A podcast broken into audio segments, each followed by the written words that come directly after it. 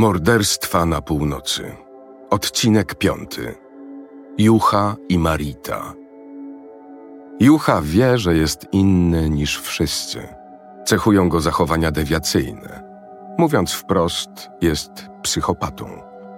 Jego przyjaciółka Marita jest tego świadoma. Pod koniec lat 80. oboje wyruszają w podróż, podczas której trzy osoby stracą życie, a sporą część Skandynawii obejmie policyjna obława. Będą śledzeni nie tylko przez policję, lecz również przez zafascynowaną prasę i opinię publiczną, która szybko ochrzci ich mianem Bonnie i Clyda Północy.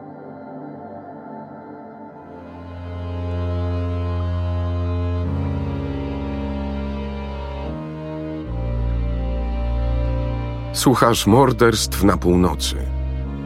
Serii podcastów o kilku z najgłośniejszych morderstw Skandynawii.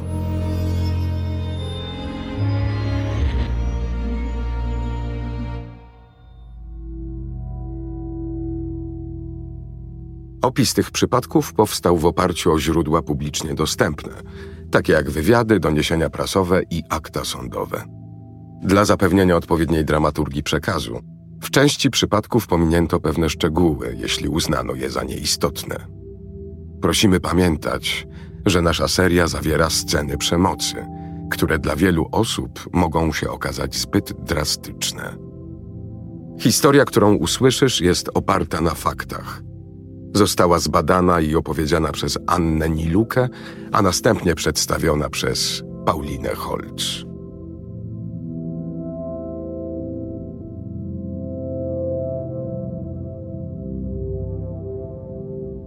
Kiedy Marita poznała Juchę, miała 17 lat. Oboje pochodzili z Pori, miasta liczącego 85 tysięcy mieszkańców, położonego na południowym zachodzie Finlandii. Jucha był kilka lat starszy od Marity i miał prawdziwie buntowniczy charakter. W latach 80. krajobraz miejski pełen był noszących pastelowe ubrania i zaczesane do góry grzywki popersów, a także japis w drogich kostiumach i wyżelowanych włosach. Ale Jucha był inny niż wszyscy. Ubierał się zawsze na czarno i nosił długie, potargane włosy. Marzył o karierze muzyka punkowego, ale w sercu był prowokatorem, którego jak magnes przyciągało wszystko, co niebezpieczne, a przede wszystkim zabronione, gwałtowne, nieokiełznane, intensywne i poza kontrolą. Jucha często popadał w konflikt z prawem, nie tylko w rodzimej Finlandii, lecz również w Szwecji, po drugiej stronie granicy, gdzie zaliczył już nawet odsiadkę. Kiedy Jucha poznaje Maritę, od razu wie, że dziewczyna będzie jego. Tak się też dzieje. Wkrótce zostają parą. Szybko stają się również wspólnikami.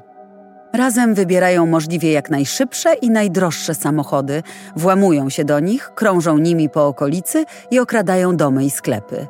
Ich wyprawy obejmują Finlandię, Szwecję i Danię. Jucha twierdzi, że są jak Bonnie i Clyde, słynna para przestępców, która w latach 30. XX wieku elektryzowała całe Stany Zjednoczone, dopóki pod koniec dramatycznego pościgu nie została zastrzelona przez policję. Jucha chciał być takim samym gangsterskim celebrytą. Marita szybko się zorientowała, że Jucha jest niebezpieczny, jednak ta dość wstydliwa i uległa młoda kobieta nie była w stanie przeciwstawić się impulsywnemu i pełnemu temperamentu chłopakowi. Dzieje się więc to, co nieuniknione, a ich związek kończy się katastrofą pełną przemocy, zwątpienia i śmierci, o której latem 1988 roku mówi cała Skandynawia. Jako dziecko Jucha przez pewien czas mieszkał z matką w południowej Szwecji. W tym kraju czuł się tak samo dobrze jak w Finlandii. Jednak w Szwecji dość szybko zwrócono uwagę na zbuntowanego chłopaka. Po zatrzymaniu jego i Marity w 1987 roku za wielokrotne włamania i kradzież samochodów, na oboje nałożono dziesięcioletni zakaz wjazdu do kraju. Dodatkowo Juchę skazano na 12, a Maritę na 6 miesięcy więzienia. Była to dla niej szansa, żeby w końcu zerwać z chłopakiem. Po trzech latach dzika namiętność Juchy straciła dla niej cały urok i romantyzm. Jego zmienne nastroje i porywczy temperament sprawiały, że stawał się coraz bardziej nieobliczalny. Będąc świadkiem, jak jej chłopak celowo samochodem spycha z drogi motocyklistę, Marita podejmuje decyzję, że zakończy związek. Po odbyciu kary w Szwecji, Marita wraca do fińskiego Pori i wprowadza się do małego mieszkanka. Po trzech chaotycznych latach z Juchą, jej siostra i kuzynka pomagają dziewczynie stanąć na własnych nogach. Dziewczyna znajduje pracę w restauracji i marzy o tym, żeby zostać śpiewaczką operową. Pisze do Juchy, że to koniec i że poznała innego mężczyznę. On jednak nie przywiązuje do tego wagi. Pamiętaj, że nie jestem po prostu zakochanym nastolatkiem, odpisuje z więzienia. Mam w sobie coś, czego widocznie nie rozumiesz, nawet po tylu wspólnych latach. Moja psychika jest moją największą bronią. Zawsze dostaję to, czego chcę, nawet jeśli ktoś musi zginąć. Inteligencja i psychopatyczny charakter to niebezpieczne połączenie. 1 maja 1988 roku Jucha wychodzi z więzienia. Kradnie samochód i kilka dni później staje przed drzwiami Marity, która niedawno rozstała się z nowym chłopakiem. Mieli dużo szczęścia. Gdyby Jucha zastał ją z innym mężczyzną, musiałby zabić oboje, mówi. Marita skończyła właśnie 20 lat, a Jucha ma prawie 23 lata i snuje wielkie plany. Zdobędą wystarczająco dużo pieniędzy na wspólną przyszłość, a później znikną gdzieś nad Morzem Śródziemnym, gdzie zawsze świeci słońce, obiecuje chłopak. Marita daje się namówić na podróż planowaną przez Juchę. W końcu nigdy nie była w stanie mu odmówić. Będzie to ich ostatni wypad, podczas którego pójdą śladami Bonnie i Clyda, co zgodnie ze słowami Juchy zawsze było ich przeznaczeniem. Jeszcze przed wyjazdem Jucha obiecuje Maricie, że dostanie od niego królika jako towarzysza podróży. Zanim opuszczą Finlandię, kradnie dla niej przed granicą królika angorskiego, a niedługo później kolejnego. Dwa króliki towarzyszą parze przestępców w ich łupieszczych wyprawach. Jucha i Marita w kradzionych samochodach zygzakiem przemierzają Skandynawię. Najpierw jadą do Norwegii, następnie z powrotem do Szwecji i Danii, gdzie przez pewien czas odpoczywają w hipisowskim wolnym mieście Christiania. Później znowu wracają do Szwecji. Święto Midsommar spędzają w Sztokholmie, a na początku lipca przybywają do prowincji Västerbotten. 700 kilometrów na północ od szwedzkiej stolicy, niedaleko od granicy z Finlandią. Zawsze działają według podobnego wzorca. Znajdują puste mieszkanie lub domek letniskowy, Jucha wchodzi do środka, a Marita staje na czatach. Kiedy podjeżdżają do skrzyżowania, Jucha prosi Maritę, żeby wybrała, w którą stronę pojadą. Droga w lewo prowadzi do Umeo, w prawo do Omsela. Marita postanawia jechać w prawo. Jucha był jedynakiem. Ojca praktycznie nie widział na oczy, a jego matka nie była w stanie utrzymać go w ryzach. Już jako dziecko był nadpobudliwy i często miał napady agresji. Kiedy zmieniał szkołę ze względu na swoją drobną posturę, stawał się obiektem żartów i zaczepek innych chłopców. Jednak szybko zauważali oni, że Jucha nie jest typową ofiarą znęcania się. Umiał odpowiedzieć na zaczepki, poczynając sobie przy tym znacznie śmielej niż inni. W końcu sam zaczął terroryzować tych, którzy go dręczyli, dopóki nie padli przed nim na kolana i nie zaczęli błagać o litość. W sobotę 2 lipca 1988 roku Jucha i Marita przyjeżdżają do małego miasteczka Omsela. Chłopak jest w wyjątkowo dobrym nastroju. W skradzionym sabie para zjada chipsy, wypija butelkę likieru i kilka piw. Samochód jest po dach wyładowany łupem zgromadzonym podczas ich złodziejskiego tournée. Zawsze towarzyszą im dwa króliki angorskie, a od niedawna także dubeltówka. Kilka dni temu Jucha ukradł ją z jednego z domów.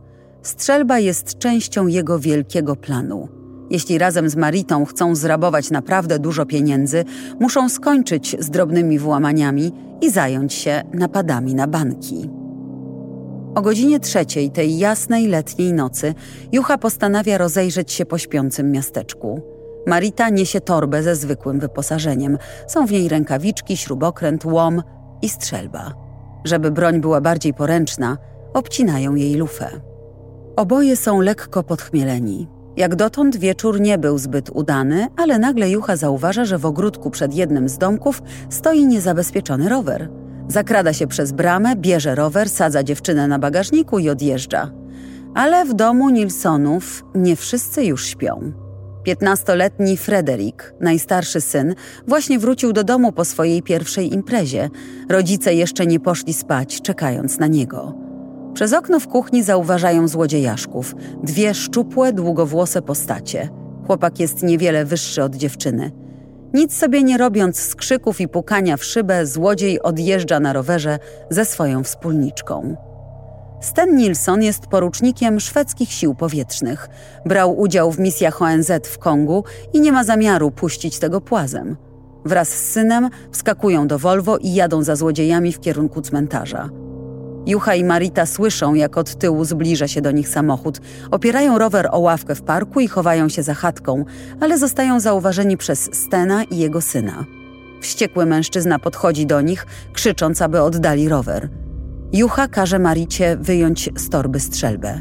Wychodzi z ukrycia i staje na drodze przed ojcem i synem. Sten Nilsson próbuje go uspokoić. Wyjaśnia, że zadzwonił już po policję i że chce tylko odzyskać rower – ale Jucha odciąga kurek broni i idzie w ich kierunku. Kieruje na nich broń i każe im uklęknąć. Błagajcie o litość, krzyczy. Stoi w odległości około jednego metra od klęczących. Po krótkiej chwili strzela. Pierwszy strzał trafia Stena Nilsona w głowę i zabija go na miejscu. Jucha kieruje lufę w stronę syna. Chłopiec i Marita płaczą, błagając Juchę, żeby tego nie robił, ale Jucha strzela, zabijając także piętnastoletniego chłopca.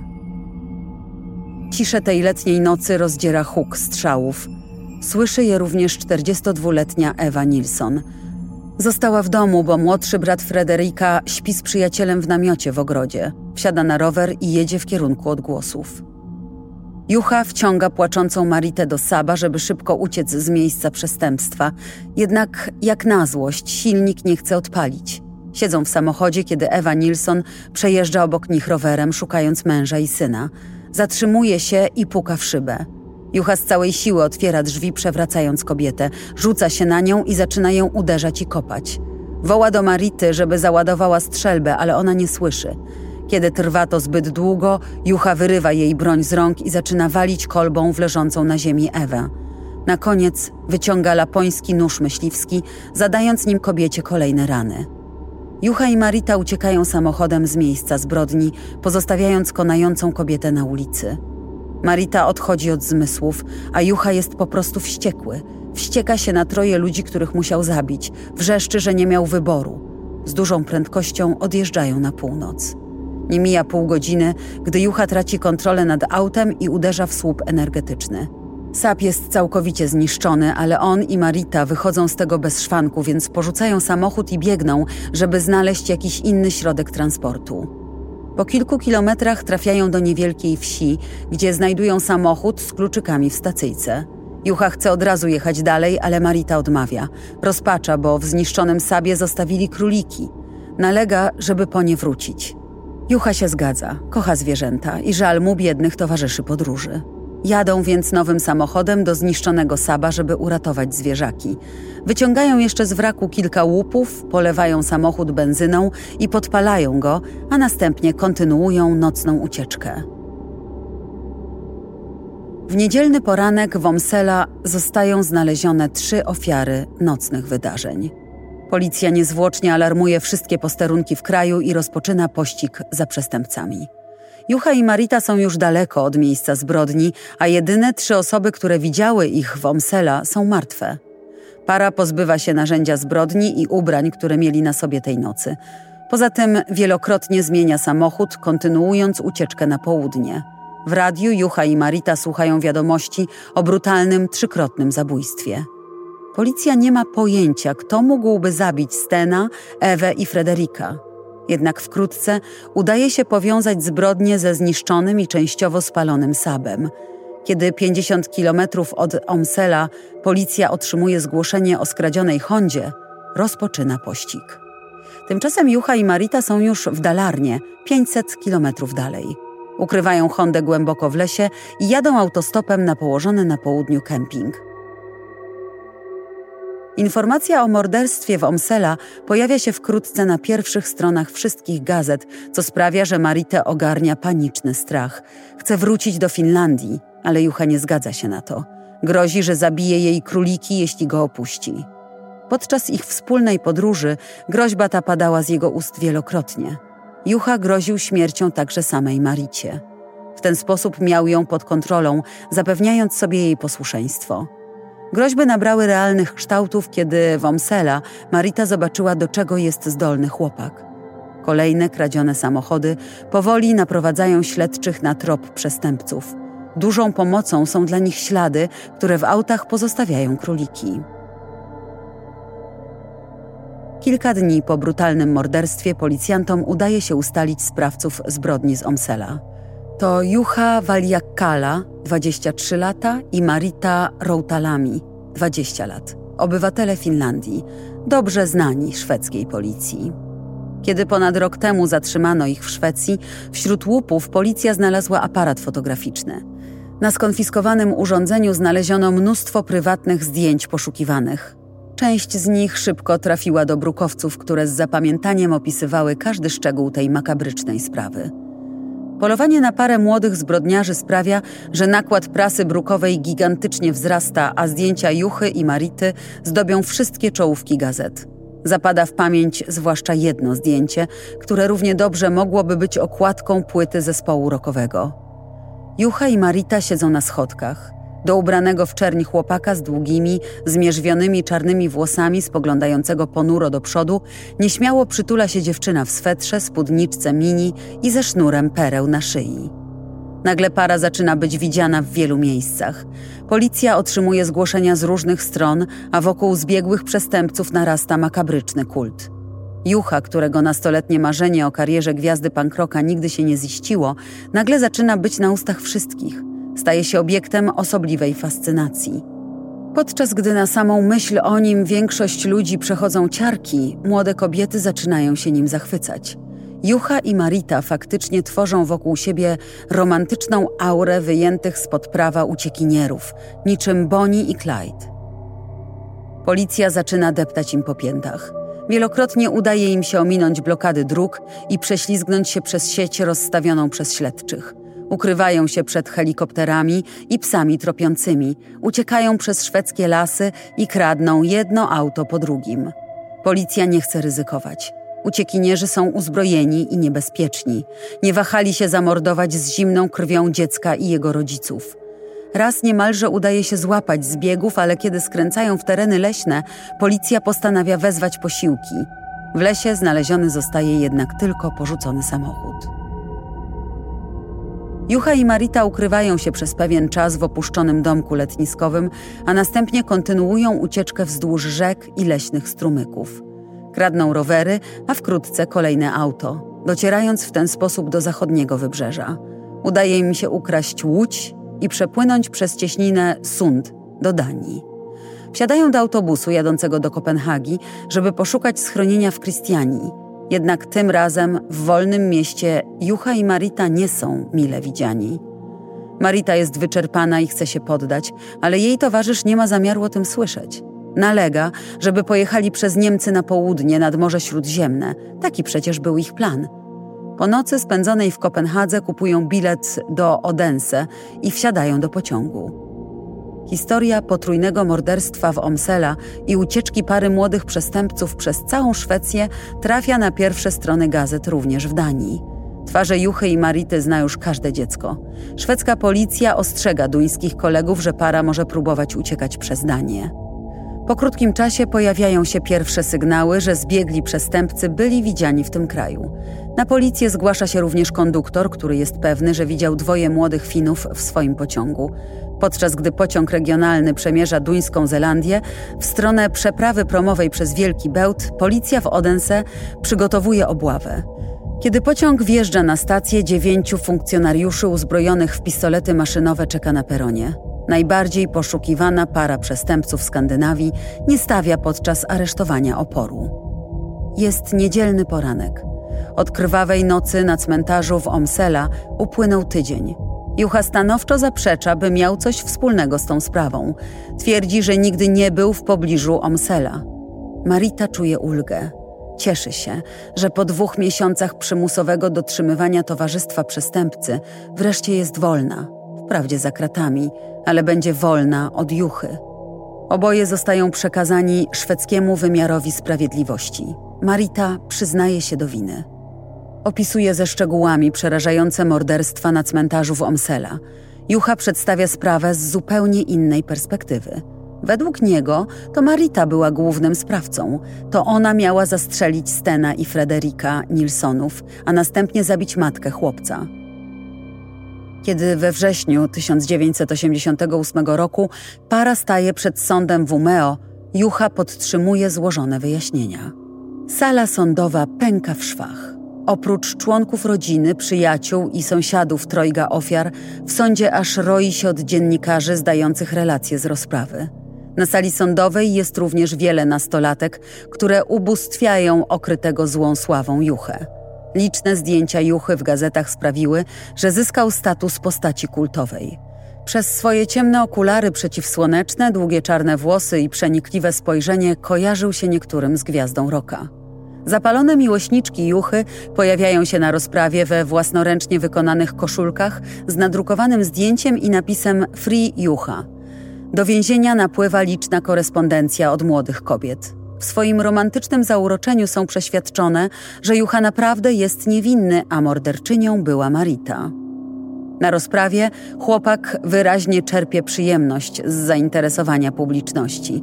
Marita zaś siedzi skulona i wpatruje się w stojący przed nią stół. Wkrótce staje się jasne, że ślady na miejscu zbrodni w Omsela potwierdzają zeznania Marity, a sąd uznaje jej relację za wiarygodną. Jucha zostaje skazany za wszystkie trzy morderstwa. W lutym 1989 roku sąd ogłasza wyrok.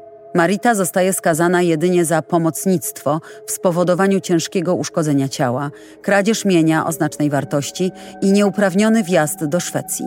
Zostaje pozbawiona wolności na dwa lata.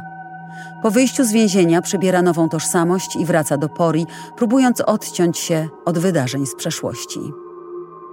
Jucha zostaje skazany na dożywocie. Psychiatrzy stwierdzają u niego osobowość dyssocjalną z cechami narcystycznymi. Mówi się, że ma ograniczoną kontrolę nad własną agresją i cechuje go ogólny brak empatii. Jednak nie umniejsza to jego winy. Karę ma odsiedzieć w Finlandii. Później jego dożywocie zostaje zastąpione karą 20 lat pozbawienia wolności, a w 2007 roku warunkowo wychodzi na wolność. Jucha wielokrotnie podejmuje próby ucieczki z więzienia. W 1994 roku udaje mu się wziąć jako zakładnika nauczyciela języka angielskiego i wydostać się z więzienia. Pomimo wielu prób, na wolności nigdy nie pozostaje długo. Wprawdzie już dawno stracił popularność, ale okrutne morderstwo i para przestępców nadal są przedmiotem zainteresowania opinii publicznej. W roku 2006 podczas pracy bez dozoru poza zakładem karnym Jucha udziela wywiadu telewizyjnego. W więzieniu przybiera nowe nazwisko i dwukrotnie się żeni. Ale pomijając fakt, że przed kamerą telewizyjną otwarcie potwierdza, iż to on zabił rodzinę Nilsonów, prawie w ogóle się nie zmienił. Opisuje swoje zbrodnie jako morderstwa z zimną krwią i wyjaśnia, że nigdy nie udało mu się ich zapomnieć. Nie widać jednak po nim ani śladu skruchy. Pierwszy strzał oddałem przez przypadek, drugi posłużył do usunięcia świadka. Opisuje zabójstwo Stena Nilsona i jego 15-letniego syna. Również matka chłopca musiała umrzeć, ponieważ była świadkiem, wyjaśnia ekipie telewizyjnej. Pojawiało się coraz więcej pieprzonych ludzi, coraz więcej osób, które musiałem zmusić do milczenia. Całe szczęście, że udało się uniknąć większej liczby ofiar podsumowuje krwawe wydarzenia letniej nocy 1988 roku. W 2007 roku Jucha zostaje warunkowo zwolniony z więzienia. Dwa lata później ponownie ląduje za kratkami, tym razem za jazdę pod wpływem alkoholu i spowodowane tym zagrożenie. Znów podejmuje liczne próby ucieczki, ale bez sukcesu, a kiedy w końcu zostaje zwolniony, szybko ponownie trafia do więzienia, tym razem za podpalenie i uszkodzenie ciała. Jucha dobiega pięćdziesiątki. Marita została matką dwojga dzieci. Za każdym razem, kiedy Jucha ucieka z więzienia lub zostaje zwolniony, Marita obawia się, że znajdzie ją i jej niewielką rodzinę. Do tej pory kontaktował się z nią tylko raz. Kilka lat po dramatycznych wydarzeniach szwedzki reżyser filmowy Jan Troell nakręcił film Il Capitano.